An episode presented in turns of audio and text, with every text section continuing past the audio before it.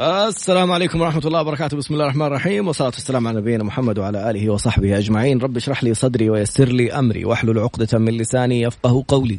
اللهم اجعلنا من الذين هدوا إلى الطيب من القول وهدوا إلى صراط الحميد. اللهم علمنا ما ينفعنا وانفعنا بما علمتنا وزدنا يا رب علما. عسى أن يهديني ربي لأقرب من هذا رشدا. على الله توكلنا. ربنا آتنا الحكمة وفصل الخطاب. ربنا آتنا رحمة من عندك. وعلمنا من لدنك علما. إن إن شاء الله لمهتدون. اليوم دورة تدريبية هي خماسية لمجموعة من أشهر رجال الأعمال والمشاهير في العالم. وارن بافيت ويل سميث جيرفي مدري إيش اسمه آه، حق علي بابا ومين الخامس؟ وسايمون. خمسة أشخاص عندهم خمسة دروس. أشياء اكتشفها الناس متأخرين في حياتهم. اكتشفها اليوم وغير حياتك تماما بعد قليل إن شاء الله.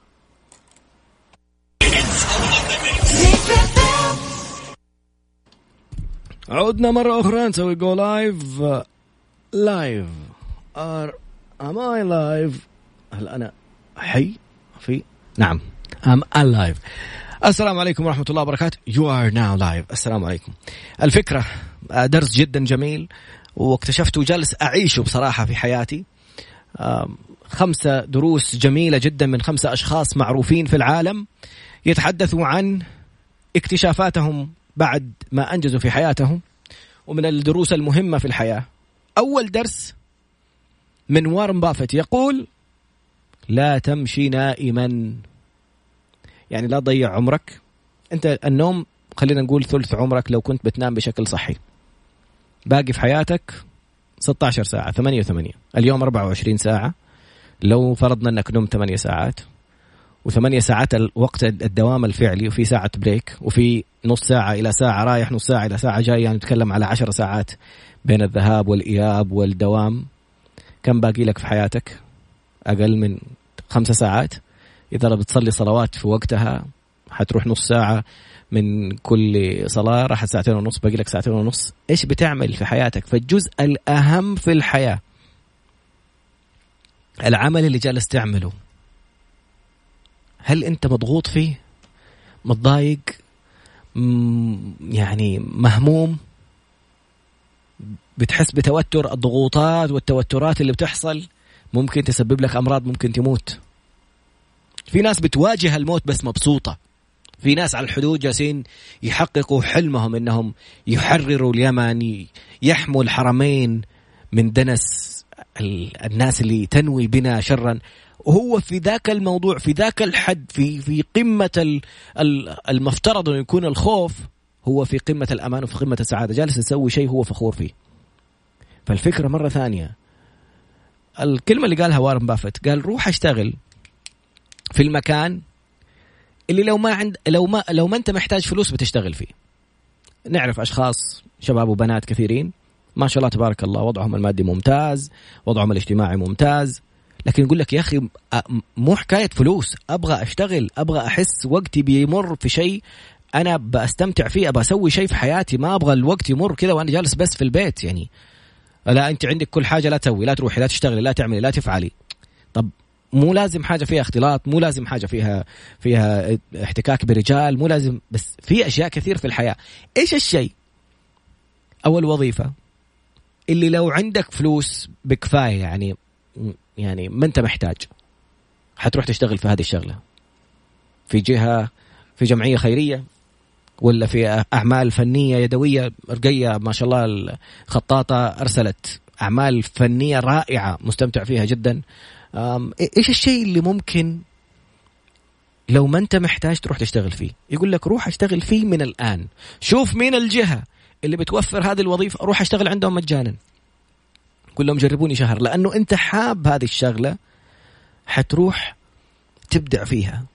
لما تروح لأي جهة في الحياة في العالم وتقول لهم جاي أشتغل عندك مجانا شوف شغلي. وأنت عارف إنك مبدع في هذه الناحية. شوف الإنجاز اللي ممكن تعمله. أمس جالس أتكلم مع واحدة معلمة متضايقة جدا من الجهة أو الكلية اللي هي تشتغل فيها. في المقابل يعني يا رب لك الحمد بعد حوار جميل بيننا آه، أعطيتها لينكين رابط لي حق لندن ريل لبرنامج لندن ريل كيف تسوي الحوارات وكيف تعمل البودكاست الخاص حقها. إنسانة عندها فكر وعندها إبداعات أتمنى تكون جالسه تسمعنا. أستاذة لينا أخذناها في أحد الحلقات. وأعطيتها رابط ثاني حق توني روبنز عامل مشروع مع واحد اسمه دين.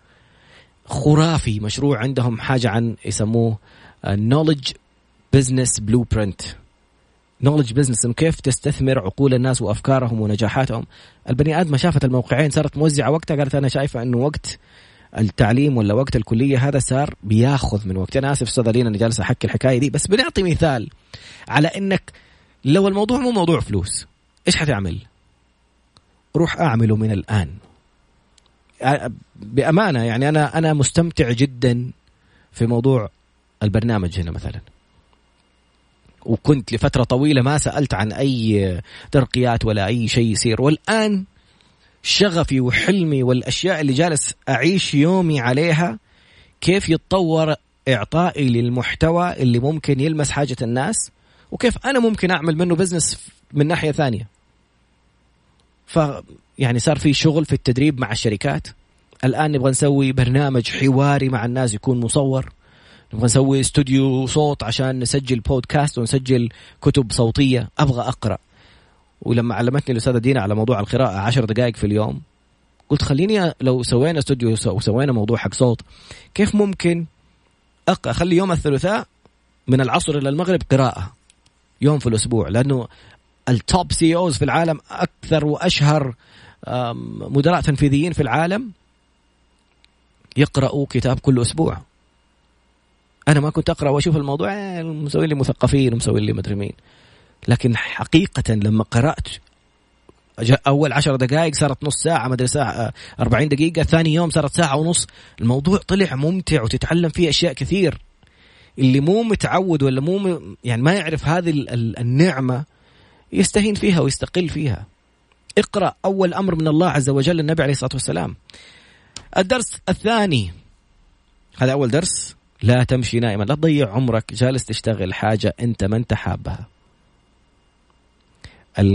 الدرس الثاني live life without fear لويل سميث. عيش حياتك بدون خوف. إيش يعني؟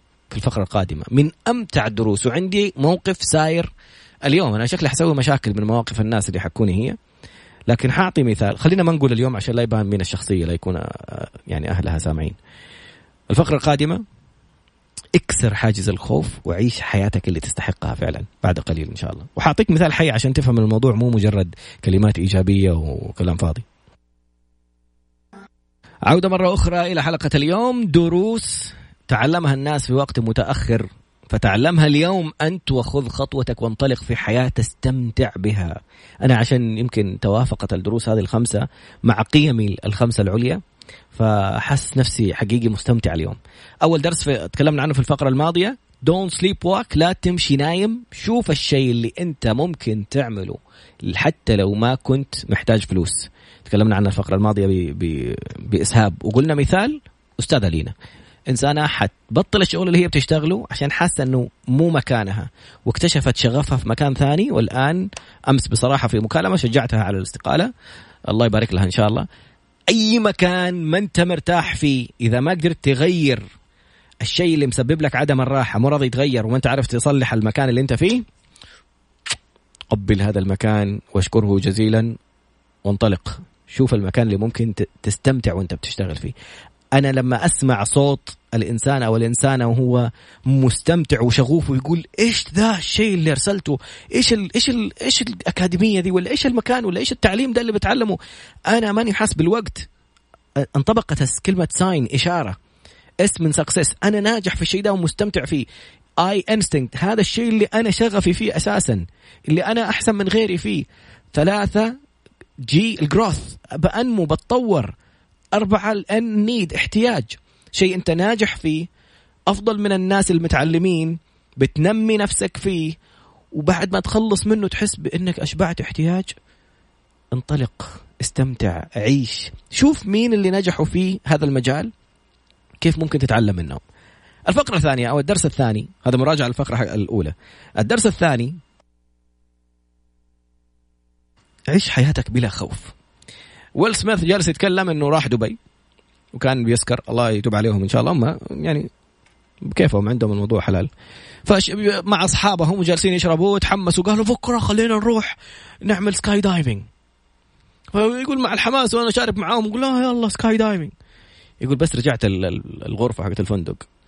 بطني وغصتني وصرت أتفزز من النوم إنه كيف طيارة وحنط من الطيارة وكيف ال skydiving اللي هي القفز المظلي هذا اللي من الطيارات يفتح باب الطيارة وتنط. ف يقول عايش في رعب من الليلة اللي قبلها وقايل إنه بكرة حيصحوا ممكن يكونوا ناسين ممكن يعني خلاص يغيروا الموضوع ممكن يخافوا ممكن يعني أي سبب آخر خلاص المهم إنه ممكن يبطلوا. يقول نزلت لقيتهم كلهم جاهزين. قلت يمكن هم كمان زيي أصلا خايفين. وصار واحد يقول أنا عمي كان في البحرية الأمريكية و... وأنا هذا الشيء حسويه وحاجة متحمس عليها. يقول صرت عايش رعب وما فطرت ما أكلت ما استمتعت في يومي. ورايح وركبنا الباص ووصلنا للمكان وصاروا يدوهم التعليمات حقت القفز. لا قدر الله لو ما فتحت مظلة. يقولوا ما فتحت مظلة كيف؟ يعني كيف ما تنفتح مظلة؟ يعني إيش اللي ممكن السبب اللي يخلي ما تنفتح إلين ركبوا يقول طبعا أول نط أنت ما تقدر تنط لوحدك لازم تنط واحد يعني وراك يكون المدرب فيقول الوضع الغريب إنك جالس في عب المدرب. يعني للبنات في مدربات على فكرة. المهم جالس في عب المدرب والوضع كذا يعني مش مريح ابدا.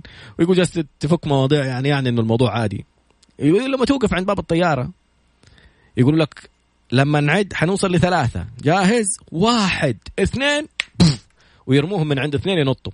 قال لأنه كثير من الناس لما يسمع ثلاثة يمسك في الباب حق الطيارة وما يقول عمرك في حياتك أصلا كنت راكب طيارة وباب انفتح. عمرها ما صارت فأنت أنت في طيارة في الجو وينفتح لك باب طيارة وتشوف أرض قدامك بتطالع في الأرض يعني نازل أموت أنتحر. فيقول شعور مخيف واول ما نطيت صرخت كذا شوف الفيديو أنا نزلته على تويتر. اكتب طراد باسنبل آه نزلت الفيديو حق الخمس دروس هذه وأسمع ويل سميث كيف يهلك ضحك وهو جالس يشرح على نفسه إنه كيف نط من الطيارة. يقول أول 10 15 ثانية الثانية ال 20 انت فجأة تحولت من قمة الخوف إلى قمة المتعة. طاير لأنه ما بتحس نفسك بتطيح الطيحة اللي انت كنت متخيلها. الهوى شايلك. سبحان الله الطيارات الآن بتاخذ وقت في من تطلع من أمريكا من السعودية لأمريكا تاخذ لك 12 ساعة 16 ساعة على حسب الولاية اللي رايح فيها. ليش؟ لأنه في مقاومة هواء والطيارة اللي شايلها سبحان الله في, في الجو الهواء نفسه في له مقاومة. ليش الأقمار الصناعية تلف الأرض أربع مرات في اليوم في ال 24 ساعة؟ يعني بتلف الكرة الأرضية أربع مرات لأنه ما في مقاومة الهواء اللي تحت الغلاف الجوي. فأنت الهواء هذا اللي موجود تحت الغلاف الجوي شايلك شيل زي الطيور زي ال... فيقول تحس نفسك طاير حقيقة طاير فارد يدك بتطالع. تقول أوه هنا البحر هنا مدري مين هنا شوف هذا البرج هذا الم... جالس يستمتع وهو يتأمل وقال كلمة جدا جميلة. قال إنه الأج أو حافة أعلى خطر وخوف هي نفس الحافة اللي بعدها لا خوف ما في أي شيء أنت خايف منه. وبعدها بالأصح قمة المتعة لما تكسر حاجز الخوف اللي كنت فيه أنت حتواجه قمة المتعة. يقول الدرس الثاني اللي هو جالس يتكلم فيه ويتعلمه قال تعلمت درس إنه ليش يعني حقيقة الخوف كان القفز من الطيارة نفسها. هي لحظة ال... هذه لحظة الخوف العظمى. يقول أنا ليش عيشت نفسي في ألم الخوف من قبلها بيوم؟ طب أنت في السرير الآن هل حتنط من السرير حيكون تحتك طيارة مثلا وهواء وكذا وحتموت؟ لا. ليش جالس تعيش شيء أنت خايف منه صانعه في خيالك؟ في مقطع في لويل سميث مع ولده في فيلم من الأفلام إن شاء الله ألاقيه وأنزله. جدا رائع بيتحدث عن الخوف برضو. الخوف أنت المرء عدو ما يجهل أنت لما تكون في حاجة ما أنت عارفها. خايف ممكن ممكن تصير ممكن ما تصير متى حتعرف؟ لما تجرب. لا تقول لي ما أقدر قول لي ما أبغى. لأنه قدرتك حتتضح لما تجرب الشيء. جربت تكلم فلان؟ لا. جربت تكلم فلانة؟ لا.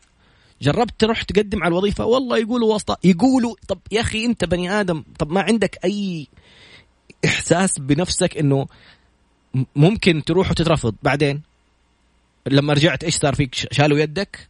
أخذوا فلوسك؟ راحت كرامتك؟ ما صار نصيب الموضوع خلاص رجعت ما ما وافقوا. ليش على كلام الناس طب الناس اللي نجحت وتوظفت ولا انقبلت ولا اتزوجت ولا أي حاجة في الحياة أنت مقبل عليها؟ في ناس كثير نجحت. ليه جالس تجيب لي مثال على شخص ما انقبل ولا فشل ولا طلع اكتشف الموضوع واسطة ووقفت؟ يقول كلمة جدا رائعة. ليش نعيش الخوف قبل ما تجي لحظته؟ وقال إنه اكتشف إنها أجمل لحظة في الحياة إنك كيف تكسر هذا الحاجز. وهنا خليني أقول المثال الفعلي اللي حصل اليوم لأحد الأخوات وأرسلت عليه رسالة في سناب شات ورديت عليها بصراحة. أرسلت هي حالة أسرية وأنا لست مستشارا أسريا لكن سألت سؤال بحكم جلستي مع أستاذ خالد إنه قانونيا إيش ممكن يصير لو ما رحت؟ فين حتروح؟ إيش اللي حصل معاها؟ وليش بنقول هذا المثال؟ لأنه كثير من الناس في نفس حالها والخوف مانعهم إلى أن وصلوا للمرض. فاليوم في الفقرة القادمة حقول الكلمتين هذه وبدون ذكر أسماء. وشوف إحساسك مجرد إحساسك وانت بتقبل على شيء كنت خايف منه كيف يحسسك بالقوة؟ فما بالك لما تشوف اللي قدامك اللي كان يخوفك خايف؟ أنت متخيل إيش الشعور؟ الموقف في الفقرة القادمة إن شاء الله. عدنا مرة أخرى إلى خمسة دروس اكتشفها الناس مؤخرا في حياتهم وشاركوها لجمهورهم. منهم وارن بافيت اللي قال لا تمشي نائما. اعمل في الشيء الذي تحبه. وإن كان المال قليلا. يعني إذا الآن شايف نفسك في وظيفة ولا في مكان أنت متضايق وحاس نفسك أنا مو هنا ابدأ من الآن قبل ما تتحمس وتروح تستقيل. جرب خذ إجازة أو ما بعد الدوام روح اشتغل في الحاجة اللي تحبها. أو شفت نفسك عرفت بدأت تمشي تبغى تجرب التفرغ خذ إجازة وروح تفرغ لهدفك أو لمشروعك. إلى أن تشوف تفرغك هذا كيف أعطاك الشعور الرائع الجميل اللي أنت كنت نفسك تستمتع فيه. حتى لو كان المال أقل. ترى في بعض الدراسات شافوا أو ثلاثة أشياء أساسية في العمل. يبغوا بيئة عمل مريحة صحية. ثاني حاجة كارير باث أنا فين حكون معاك مستقبلا؟ ثالث حاجة تطوير. أبغى أشوف نفسي بتطور. وأنا عن نفسي أشوف أنه بأسوي شيء في المكان هذا له قيمة له معنى أستمتع فيه في حياتي. نرجع للموضوع كسر حاجز الخوف. خلينا ناخذ مثال قصة واقعية اليوم حصلت. أحد الأخوات تعيش حياة بضغط كبير جدا مع زوج خائن يشرب متعدد العلاقات ولا يستعنيها كمان وبدون احترام وأشياء كثير سايره فغابت هي جات تقول أنا قدني قررت. كلمت والدها الناس أحيانا لما يتدخلوا الأهالي في الموضوع يعني أستني وأصبري وعشان الأولاد وعشان طب هل الإنسان هذا بيتعدل؟ زي ما قلنا في موضوع الوظيفة نقول في أي علاقة في أي مكان ثاني. هل في حل؟ هل لو رحت لمستشار أسري ولا رحت لجهة ولا رحت لأحد ولا رحت لأهلي ولا إصلاح ذات البين حكما من أهلي وحكما من أهلي إحنا ما نبغى نقول للناس نسوي تخبيب وجالسين نقول للناس روحوا اتطلقوا. بس في أشياء تحل وفي أشياء يعني مستأصلة والرجال ماشي ومو راضي يتغير في الموضوع هذا. فقالت أنا رفعت قضية آه، الفسخ عقد النكاح واليوم موعد القضية و زوجي بيهددني. إني لو رحت ما أدري إيش حسوي لك وحافعل لك. إيش حيسوي؟ روحي. أنت أخذتي موعد. لو ما رحتي هي بتسأل لو ما رحت. لو ما رحتي أنت إشغال للقضاء. أنت ممكن يعني ما أعرف إيش قانونيا ممكن يصير ضدها. لأنه إنك تأخذ موعد في محكمة. والقضاء الناس بتشتكي من طول القضاء والوقت. ودحين الحمد لله تطور الموضوع. صار في قضاء أسري وقضاء تجاري وقضاء عمالي. وزعوهم وخصصوهم عشان ينجزوا للناس بشكل أسرع. فكونك تحجز موعد وانت اللي رافع القضية وما تروح. يعني انت بترتب على نفسك مسؤولية. بكرة هذا يقول لك الله يرسل لك مندوب عنه ولا يسوي شيء وانت اللي في النهاية يصير عليك طلب انت اشغال للقضاء. أو تطلع دعوة كيديا بس والله طفشانة كذا واحدة سوتها قبل كذا رفعت قضية فسخ عقد نكاح وجايبه زوجها عند المحكمة عشان تقول له آه، رفع أبغى أتطلق. بعدين وصل الرجال طب ليش بيسألها القاضي؟ لا كنت بشوف بس هو يعني لو سويت كذا حيتمسك في والله؟ تمسك فيك يا؟ راح قال لها خرجتني من شغلي ورفعت لي قضية جايني طلب على الشغل عشان تمسك فيا. انت الآن قدام الرجال انت طالق هذه قصة ثانية ما لها دخل. فقصة اليوم البني آدم بتقول إنه مانعها وبيهددها. قلت لها إيش حيسوي؟ روحي. انت اللي رفعت القضية انت اللي تروحي. فقالت شال مفتاح الباب. قلت لها بلغي. اتصلي خلي يكون عندك بلاغ في الشرطه في أي شيء يكون عندك دوكيمنت يكون عندك سند يكون عندك رسالة من الشرطة يكون عندك أي محضر يثبت إنه الرجال منعك وإنك أنت بلغتي. عشان لما تروحي للقضاء مرة ثانية يقول لك والله أنت رفعتي قضية قبل كذا وما جيتي. إيش السبب؟ إيش المانع؟ وهنا يصير هو مسؤول. ده يقول لها أنا بعد قد إيش؟ بعد الفترة الفلانية أنا اللي ممكن آه، أنا أطلق بكيف من أول طلبت وأنت رفضت. قصة أخرى لامرأة أخرى غير سعودية. وهددوها قالوا لها لو رحتي وقلتي إنه هو مثلا بي بيتعاطى أشياء ممنوعة ولا شيء حيقولوا لك هي اثبتي وتدخلي في قضية ثانية وإنت غير سعودية وانت من أول جلسة راحت للقاضي. القاضي قال لها ليش تبي تطلقي؟ قالت له في أشياء يعني آه، ما ينفع أقولها. هي خايفة تقول. قالوا لو سمحت أطلع برا. طلع الرجال برا قال قولي يا بنتي.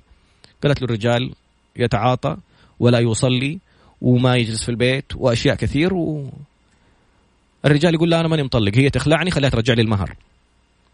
قال له أنت بتسوي واحد واثنين وثلاثة. قال له لا ابدا أنكر. قال له حطلعك تحلف اليمين. ولو ما حلفت ححط الأشياء هذه كلها في المحضر حق فسخ عقد النكاح. لو سويناه خلع. على فكرة فسخ عقد النكاح يصير بثلاث حالات. إما بطلاق وهي كلمة من الرجل إما بالخلع إنه أنت ترجعي يعني انتهاء العقد بعوض تقولي له ما أبغاك وخذ مهرك أو ممكن يطلب حاجة أكثر. إما القاضي يشوف إنه هو إنسان غير كفء ويفسخ عقد النكاح بأمر من القضاء من المحكمة. هذه ثلاث الحالات. فالقاضي قال له لو ما طلقت أنت بنفسك حخليك تطلع فوق تحلف اليمين وإذا حلفت وسوينا الخلع حكتب في نص الصك كل الكلام اللي هي كانت تقوله. إذا خلعناه خلع. الرجال لا قال خلاص أطلق. فالفكرة فين مرة ثانية؟ أنا ماني جالس أشجع الناس إنهم ينفصلوا ولا يسووا أشياء ولا. الفكرة إنه اولا ما تحتاجي إنك أهلك وإذن أبوك وإذن أمك وإذن جدك وإذن زوجك عشان ترفع أنت متضررة منه لسه أستأذنه لو ما أذن لي أجلس أموت. الناس بتوصل حقيقة في حالات التوتر إلى المرض إلى السرطان. مرض يعني كورتيزول يرتفع مناعة الجسم تهبط أي فيروس يدخل الجسم ممكن يتحول إلى سرطان. فالآن مجرد ما تكسر حاجز الخوف الآن حتى لو ما راحت أنا ما أعرف إيش صار معها بصراحة في قصتها القصة الثانية اللي حكينا عنها. ما أعرف إيش صار معها بس إحساس إنه الزوج وقف وشال المفتاح وصار هو خايف بعد ما كان هو اللي يهدد هذا إحساس انتصار لوحده. قس على ذلك لما تعرف حقوقك. في وظيفتك. مديرك جالس يهددك ويسوي لك ويعمل لك. أدخل شوف نظام العمل. إيش التفاصيل. خصمت عليك يوم. تعال يا حبيبي ما في بيتك أنا جالس تقول لي أطلع وأسوي تخصم. مصروف تديني هذا راتب حقي أنا عامل. تعال ممنوع خصم أجرة يوم بدون تحقيق. تعال حقق معايا قول لي إيش اللي فيه عشان أقول لك أنا ليش بسويت كذا ولا إيش اللي عملت كذا مو من عندك تسوي لي خصم يوم.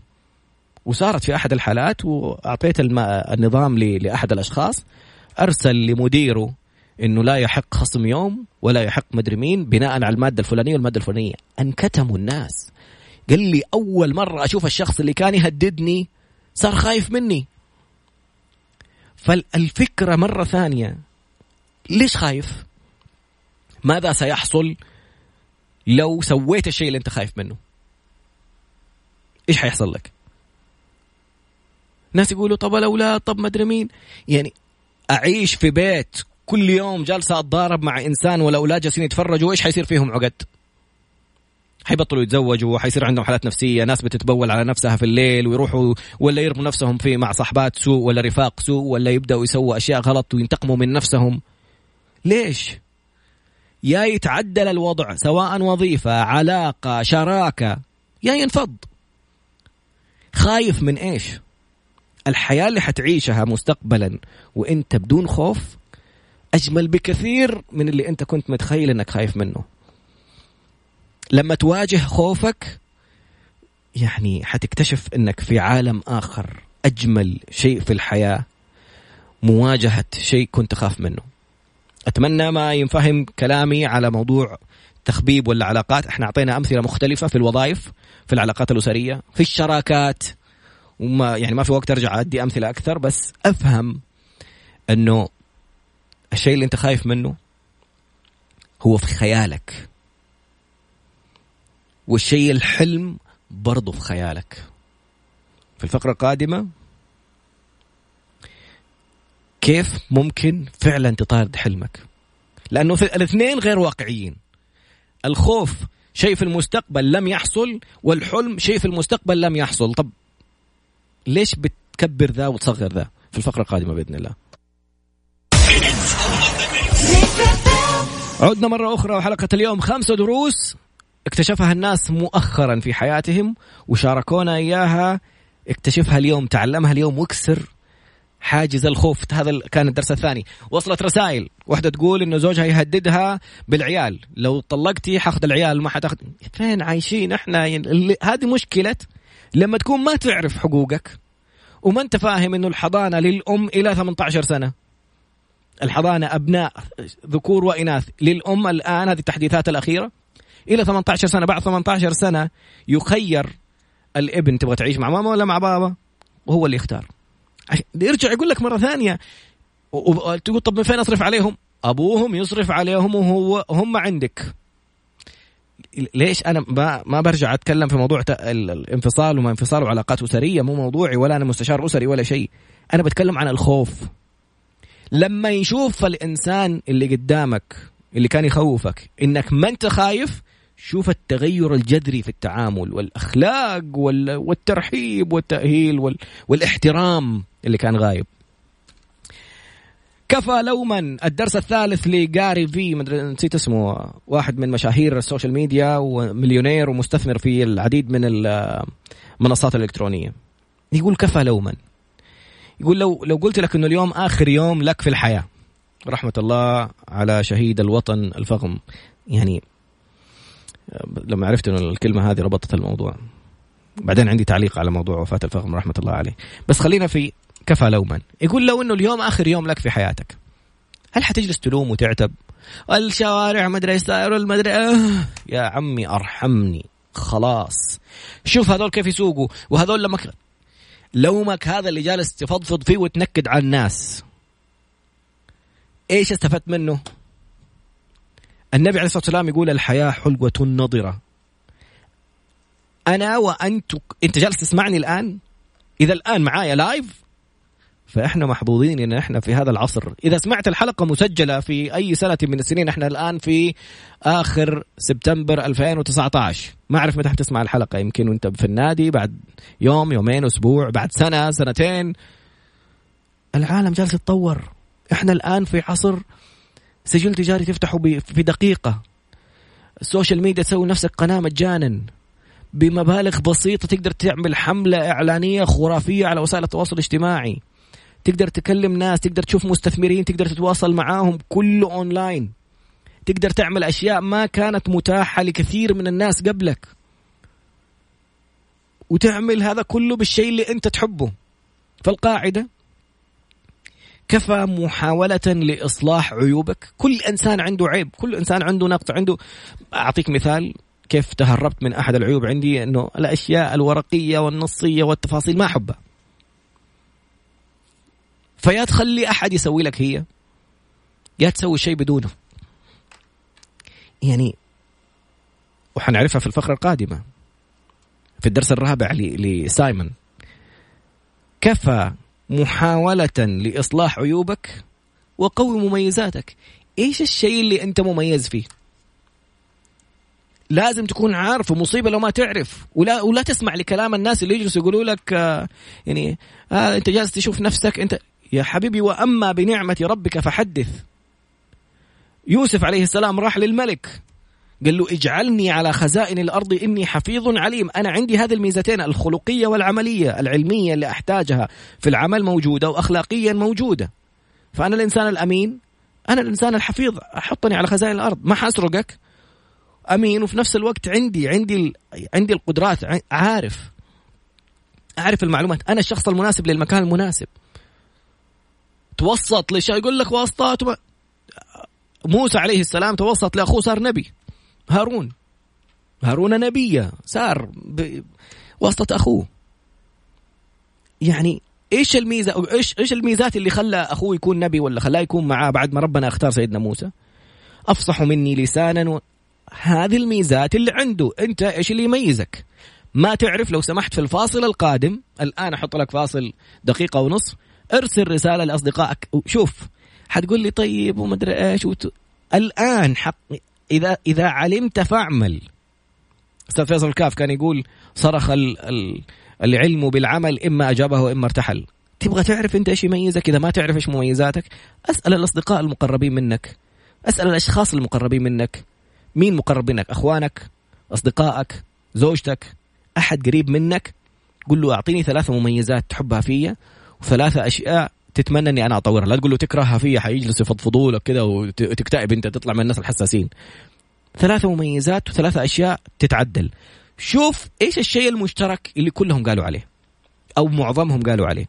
حتلاقي كثير منهم قال أشياء خرافية جميلة فيك يعني يعني شايفينها فيك. أنت يمكن ما تكون شايفها في نفسك. إذا اجتمعت إذا اجتمعوا معظمهم قالوا شيء واحد وأنت عارف الشيء هذا كويس فيك ابدأ من هنا. ترى ما تتخيل التمرين هذا بقدر بساطته حطه في ورقة بوستت وجربوا مع زملائك. جربته مع زملائي في مكسف هنا. انصدمت. أحد الزميلات كانت بس تأذيني. الله يذكرها بالخير أستاذة سهى. لقيتها كاتبة كلام قلت لها بالله يا أستاذة سهى هذا كلام عني أنا؟ قالت لي يوم أنا عشان أجلس اذيك إنه هذا هذه أشياء حقيقة أنا يعني أنا أشوفها فيك وأتوقع أنت عارفها عن نفسك. وتلاقي نفسك ما أنت عارفها أصلا عن نفسك. روح اتعرف على نفسك. في اسسمنت بس في بعضها بفلوس وفي لا تخلي أي وسيلة تقدر تتعرف فيها على نقاط قوتك إلا وتستكشفها وروح واستثمر في نفسك إنك تتعرف عليها. في تقييمات للشخصية وغيرها بس هذا تمرين بسيط. لو سمحت الآن حنطلع فاصل دقيقة و12 ثانية. تكفي إنك تكتب فيها هذه الرسالة. فلان حط له باسمه. أعطيني ثلاثة مميزات تحبها فيني. وثلاثة أشياء تتمنى إني لو أطورها أو أغيرها. فقط. أي إيش صعبة. ما فيك تكتب ادخل على الواتساب اضغط على المايك اللي تحت واتكلم بصوتك الواتساب حيكتب لك طال عمرك. ممكن أرجوك أنا آه بقول لك حاجة. من عمل بما علم آتاه الله علم ما لم يعلم. أنت الآن عرفت هذه المعلومة وهذه طريقة فعلية حقيقية ممكن تكون نقطة تحول في حياتك. بس إنك تكتشف إيش نقاط قوتك عشان تقويها. إذا سويتها حتوصل لأشياء ما كنت تتخيلها أنا الآن في مكان أنا ما كنت أتخيله. ما تبي تسويها بكيفك. يعني موضوع مسؤوليتك أنت. لأنه الفقرة القادمة حنتكلم عن شيء ثاني. لكن نهاية البرنامج أبغاك تشاركني رسائل الناس لو ردوا عليك. إيش الثلاث الأشياء اللي شفتك شفت نفسك مميز فيها؟ وثلاث الأشياء اللي اسيبك الأشياء اللي يغيروها كمان قلنا لا تركز عليها. بس إذا شفت إنها أشياء ضرورية ممكن تأثر على مستقبلك يعني حاول تقفل خرم السفينة. الشيء اللي ممكن يغرقك قفله. الشيء اللي بيميزك استثمر فيه طوره. في الفقرة القادمة your destination is more important than the route. أو the route. the road. دخلنا في إنجليزي الحين يجيني أحمد ولا الطلال وسديم و يهلكونا الفقرة القادمة ممتعة جميلة جدا جدا جدا. خمسة دروس اكتشفوها ناس متأخرين. واليوم لازم أنت تعرفها عشان تكون نقطة تحول في حياتك. أرسلت للناس أستاذة نجوى تقول جربت هذا التمرين قبل سنتين وكانت مستمتعة جدا بالنتائج طيرتها من الفرح. التمرين إذا الآن بس سمعتنا تمرين جميل يعرفك على نقاط قوتك لأننا نبغاك تبطل أرجوك. أرجوك أبوس إيدك بطل لوم وانتقاد ونكد. عشان الوقت اللي بيضيع ده لو ركزت في نقاط قوتك وكيف تطورها وإيش تعمل فيها حتطير حقيقي تطير تكون في مكان آخر تماما. أرجوك كفاية. لا تجلس تلوم كثير لأنه يقول لك لو كان آخر يوم في حياتك ما حتجلس تنتقد طرقات وتنتقد حكومة وتنتقد مدري مين. حتقول يا ريتني سويت وعملت وفعلت. الدرس ال... هذا كم؟ الرابع من الخمسة دروس اللي كثير من الناس اكتشفها في وقت متأخر. كانت لمستر سايمون هذا إنسان رائع جدا. عامل يعني ترك وظيفته في ايجنسي وترك في أشياء كثير وتفرغ للتأثير على العالم. يقول ما في شيء أجمل من انك إنك تحس إنه لك أثر على العالم. يقول أنا كتابي اللي سويته يعني ما أسأل لا لا وقعت مع شركه عشان تسوق لي هو. ولا بتابع. يعني ما تسألوني كم نسخة انباعت؟ ما أعرف. والله ما أعرف يقول. ما قال والله يعني بس ما بالإنجليزي قالها ما يقول حقيقي ما أعرف.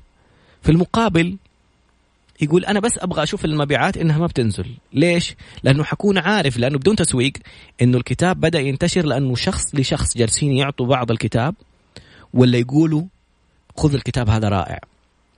فإيش يقول سايمون على هذه النقطة؟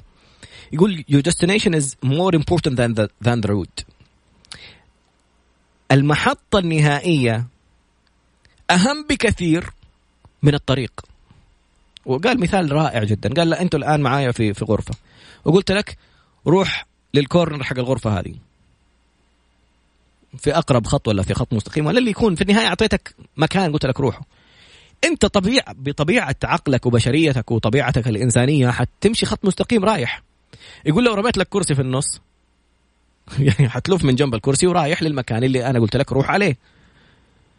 في المقابل لو قلت لك أمشي في الغرفة حتقولي طب فين أروح؟ أمشي في الغرفة. لو مشيت لك خطوتين ثلاثة وحطيت لك كرسي قدامك حتوقف. يما ليه ليه وقفت؟ يقول لك طب حطيت لي كرسي قدامي في في عائق. طب عدي العائق. طب عدي العائق أنا فين رايح أصلا عشان أعدي العائق ولا ما أعدي العائق؟ أنا ماني عارف أنا رايح فين. نفس الحكاية. أنت إيش تسوي؟ فأنت بتوصل. يقول كثير من الشركات إحنا نبغى نحقق مبيعات 10 مليون. 10 مليون يلا 10 مليون. إيش بنسوي؟ إيش ليش أنا هنا؟ فاكر الدرس الأول حق وارن بافت؟ يقول ما في وقت تضيعه من عمرك في شيء انت ما انت حابه، انت هل بتعمل الشيء اللي حاس إنه هذا رسالتك في الحياة؟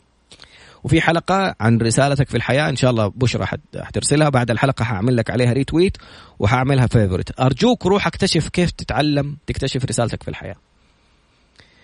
فالفكرة إنه أنت فين رايح؟ أنت ليش في المكان هذا؟ إيش بتعمل؟ فين تبغى توصل؟ إيش الهدف النهائي اللي تبغى توصله؟ والله الدرس هذا علمني شيء. أنا يعني الآن رجعنا كونا فريق عمل جديد من فضل الله. فبدل ما أقول لداليا وبكرة إن شاء الله أفنان و... ونبيل جايين بدل ما أقول والله لازم نسوي المشروع الفلاني ليش؟ لماذا نريد هذا المشروع؟ لما الفريق العمل يحس إنه هو جالس بيكون جزء من منظومة تأثير على الناس على العالم مو مجرد راتب ولا فلوس بياخذها. لما يحس إنه لم لما يشوف نتيجة المشروع ذا على الناس لما يشوف التعاون مع ماجد للتنمية مثلا ولا يشوف التعاون مع برنامج شغف لمجموعة بسمح ولا يعني كلها بتكلم على الهواء لأنها أشياء خيرية واجتماعية. لما يشوف ال ال الأثر اللي بيتركوا دوره كمخرج ولا دوره دورها ك كمصممة جرافيك ولا دورها ك animator ولا دوره ك ك website developer إنه هو سوى الرسائل النصية والأشياء دي اللي ترتبت مع ال guru حقنا نبيل. لما تحس إنه أنت اللي بتسويه له أثر على حياة الناس تستمتع. تجي فلوس بعدين الحمد لله. لكن هل أنت بت... أنت فين رأ... ليش بتسوي؟ وليش بتسوي؟ إيش الشيء اللي بتعمله؟ ليش بتعمله؟ هل هذا يسوق ال... الهدف؟ كان أحد المدربين يتكلم عن إنه الطيار اللي يشتغلوا في الطيران. أنت هل بتشتغل في الخطوط بس عشان والله إحنا بنشغل طيارات ونسوي وراتب كويس وأمان ومستقبل وشركة كبيرة؟ أنت لو حسيت إنك أنت جزء من فرحة صالة القدوم لما تشوف الناس اللي بيحضنوا بعض وبيسلموا على بعض واللي جرب تروح عند المطار يوم إذا طفشان كذا وشايف نفسك عندك وقت فراغ روح اتفرج على الأحضان والبوس والأطفال اللي يجروا على آبائهم وجدهم ويسلموا عليه واللي جاي من الابتعاث واللي واللي شاف اخوه واللي شعور ممتع. أحيانا كذا عينك تدمع. لو حس موظف الطيران أو الشخص اللي جالس يشتغل في هذه الخطوط إنه هو جزء من هذه المنظومة اللي كيف بيوصل الناس ببعض؟ الموضوع يختلف النظرة تختلف. آخر درس. اسمه enjoy your life. استمتع. أرجوك استمتع. ما في وقت إننا نعيش حاجة متضايقين منها وعايشين فيه غاصبين نفسنا عليها عشان نقول عشان فلان وفلانة وعشان الشغل وعشان الراتب وعشان الدخل. مين اللي بيقول استمتع؟ هذا حق موقع علي بابا. بعد قليل إن شاء الله. عدنا فقرتنا الأخيرة في الخمسة دروس اللي اكتشفوها ناس كثيرين متأخرين في حياتهم أو في فترة متأخرة في حياتهم وشاركونا هي. وارن بافيت أغنى رجل في العالم في أحد السنوات. ويل سميث أحد أشهر ممثلي العالم. جاري في أحد المستثمرين الأشهر ومن أشهر الناس في ال social media عنده 6 مليون متابع وأكثر. سايمون أحد الكتاب الرائعين اللي شغفه في الحياة أنه يأثر على العالم. ومؤسس علي بابا. آخر درس الدرس الخامس مؤسس علي بابا يقول استمتع بحياتك. استمتع بحياتك. وصلت رسائل جدا جميلة. استمتع بحياتك يقول ما أبغى أموت في المكتب. يقول أبغى أموت على شاطئ. أبغى أموت أبغى أموت وأنا مستمتع. السؤال للناس اللي جالسين يكرفوا نفسهم في الشغل ليل نهار. يعني النتيجة. تبى تصير مليونير؟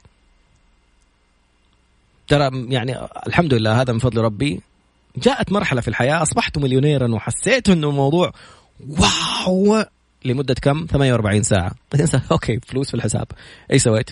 اشتريت أشياء سويت أشياء كان نفسك تشتريها اشتريتها بعدين صارت موجودة قدامك. بعدين صارت عادية مع الوقت. وإن شاء الله خلال الفترة هذه إلى نهاية السنة سأعود مليونيرا مرة ثانية. لكن الفكرة هل أنت مستمتع بالشيء اللي سويته؟ أوكي النتائج كانت جميلة استمتعت بفرحة الأشخاص اللي قدرت أجيب لهم أشياء كان نفسهم فيها. هنا السؤال إيش حتسوي لما تجيك فلوس؟ فلا تخلي الموضوع مجرد إنك تبغى تشتغل عشان يصير عندك فلوس. لا تشتغل لمجرد الشغل لا تشتغل لمجرد إنك تبغى تكون في في زيادة دخل ولا زيادة رواتب ولا زيادة منصب ولا زيادة أي شيء في الحياة. خذ لك وقت تستمتع. إيش الأشياء اللي تستمتع فيها؟ ترى في ناس اللي جبت لهم الأشياء هذه اكتشفت إني أقدر أسعدهم بدون المادة. اكتشفت إنه ممكن أسعدهم بكلمة. اكتشفت إنه ممكن أسعدهم إني أجلس معاهم أكثر. ما هم محتاجين فلوس قد ما هم محتاجين محتاجين وجود. أحد يكون موجود. أنا عشان أبني مستقبل أولادي أولادي يبغوك أولادك يبغوك أنت ما يبغوا الفلوس لأنه لو رحت حيفتقدوا اللحظات اللي يعيشوها معاك لو كانت الفلوس هذه بإمكانهم إنهم يتصرفوا فيها حتى لو ما كان في فلوس. لا تعيشهم نكد. احتياجك إذا كنت محتاج استمتع إنه هم موجودين.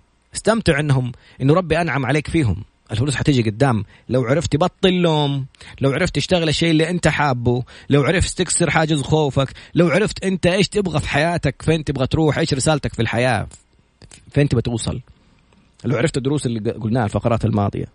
فاستمتع سوي أشياء تمتعك. إيش الشيء اللي لما تسويه يمر الوقت وأنت مستمتع؟ جمعة أصحاب خليها بشكل أسبوعي. مغامرة معينة رياضة معينة روح. تمرن فيها سويها أعملها جمع الناس. كثير يقول لك ما عندي فلوس. يعني الموضوع يمكن يطول باقي لنا ثلاث دقائق تقريبا لكن حتى في فريق العمل في ناس مستعدين يشتغلوا معاك مجانا لو عرفوا السبب ولا الهدف اللي انت تبغى تعمله. في ناس ممكن يروحوا يشتركوا معاك حتى لو ما انت دفعت هم يدفعوا لك. في أشياء كثير ممكن الناس تنضم إليك فيها لو عرفوا الهدف النهائي اللي أنت تبغى توصله. فتكلم. وأما بنعمة ربك فحدث انه لا لا لا يخاف لا ياخذوا فكرتي. أقول لك فكرة مثلا كنت بفكر فيها. ما عندي الإمكانيات وما يعني ما شفت الجهة اللي ممكن أطرحها وكنت بصور فيديو وأنزلها. أمس بقول لي داليا شوفي داليا فكرتي. الفكرة اللي كنت بفكر فيها يبغى لها دول تسويها يبغى لها جهات تسويها بس مجرد إني أتكلم فيه تخيل إني تكلمت فيها قبل ما يطلعوا عنها الخبر أمس. إيش الفكرة؟ من من المملكة إلى أمريكا تحتاج 12 إلى 16 ساعة حسب الولاية لأنك بتمشي في هواء لأنه في الغلاف الجوي في أكسجين وفي في رياح وفي أشياء فتحد من حركة الطيران. بينما الأقمار الصناعية والأشياء اللي في الفضاء هذه بتتحرك حول الكرة الأرضية أربع مرات في اليوم تقريبا. الأجسام في الفضاء بتتحرك بسرعة 90 ألف كيلو متر في الساعة. المركبة اللي أرسلوها المريخ بعيد عننا قديش؟ يعني مسافة كبيرة جدا. يعني لو قسناها بزي السعودية لأمريكا ولا قسناها على على مسافة الأرض وطلعنا مكوك يروح يوصل للمريخ حيوصل بعد سنين. يعني بعد عشرات السنين. كيف وصل المكوك اللي أرسلوه الآن ناسا؟ وجالس يلتقط صور لنا؟ يلتقط صور للكرة الأرضية والباقي الكواكب من المريخ. كيف وصل؟ لأنه ما في مقاومة الرياح. فجالس أفكر قلت لو أنه في طيارة طلعناها اخترقت الغلاف الجوي وطارت في الفضاء ونزلت في الغلاف الجوي مرة ثانية راحت على أمريكا. حت... حيكون الوصول أسرع بكثير. أمس نزلوا الخبر إنهم شغالين في 2030 حتكون هذه الطيارة موجودة. أنا يعني ما قلت والله أخذوا فكرتي واخذ يعني القبور مليئة بكنوز أفكار لناس يعني ماتوا بأفكارهم. لو أنا ما قلتها وما حد سمع الفكرة هذه كان ممكن ما سووها؟ غيرك ممكن بيفكر بنفس الفكرة. الفكرة مو حقتك. فكرة مرت على ناس كثيرين تحترم من يأخذ خطوة فيها. قولها وخليهم يسووها وأثبت إنك أنت قلتها قبل. وشوف إحساسك أصلا إنك مفكر. كم فكرة سكت عليها إلين ما شفتها قدامك تحققت وجلست تقول والله فكرتي فكرتك. نايم. إيش بتعمل؟ لا تمشي نائما. الدرس الأول روح اشتغل في الشيء اللي أنت حابه. اكسر خوفك وتكلمنا على أمثلة كثير. كفى لوما. ابحث عن نقاط قوتك وكفى اصلاحا لعيوبك. النتيجة النهائية أو المحطة النهائية هي الأهم. لا يهمك الطريق. حتلاقي انت حتكتشف الطريق. حتعرف تطلع ألف طريق يوصلك إذا عرفت أنت فين تبغى توصل أساسا. أخيرا استمتع بحياتك. شوف الشيء اللي تستمتع فيه وجربه وعيشه. المشاركات إن شاء الله نأخذها على وسائل التواصل الاجتماعي تراد underscore B على انستغرام وتويتر. بعد البرنامج نجلس كذا 10 دقائق. نشوف مشاركات الناس اللي أرسلوا لك قالوا لك إيش ثلاث نقاط الجميلة فيك؟ وإيش الأشياء اللي لازم تعدلها فيك؟ خلص الوقت بدأت الأخبار. سبحانك اللهم وبحمدك أشهد أن لا إله إلا أنت أستغفرك وأتوب إليك. في أمان الله.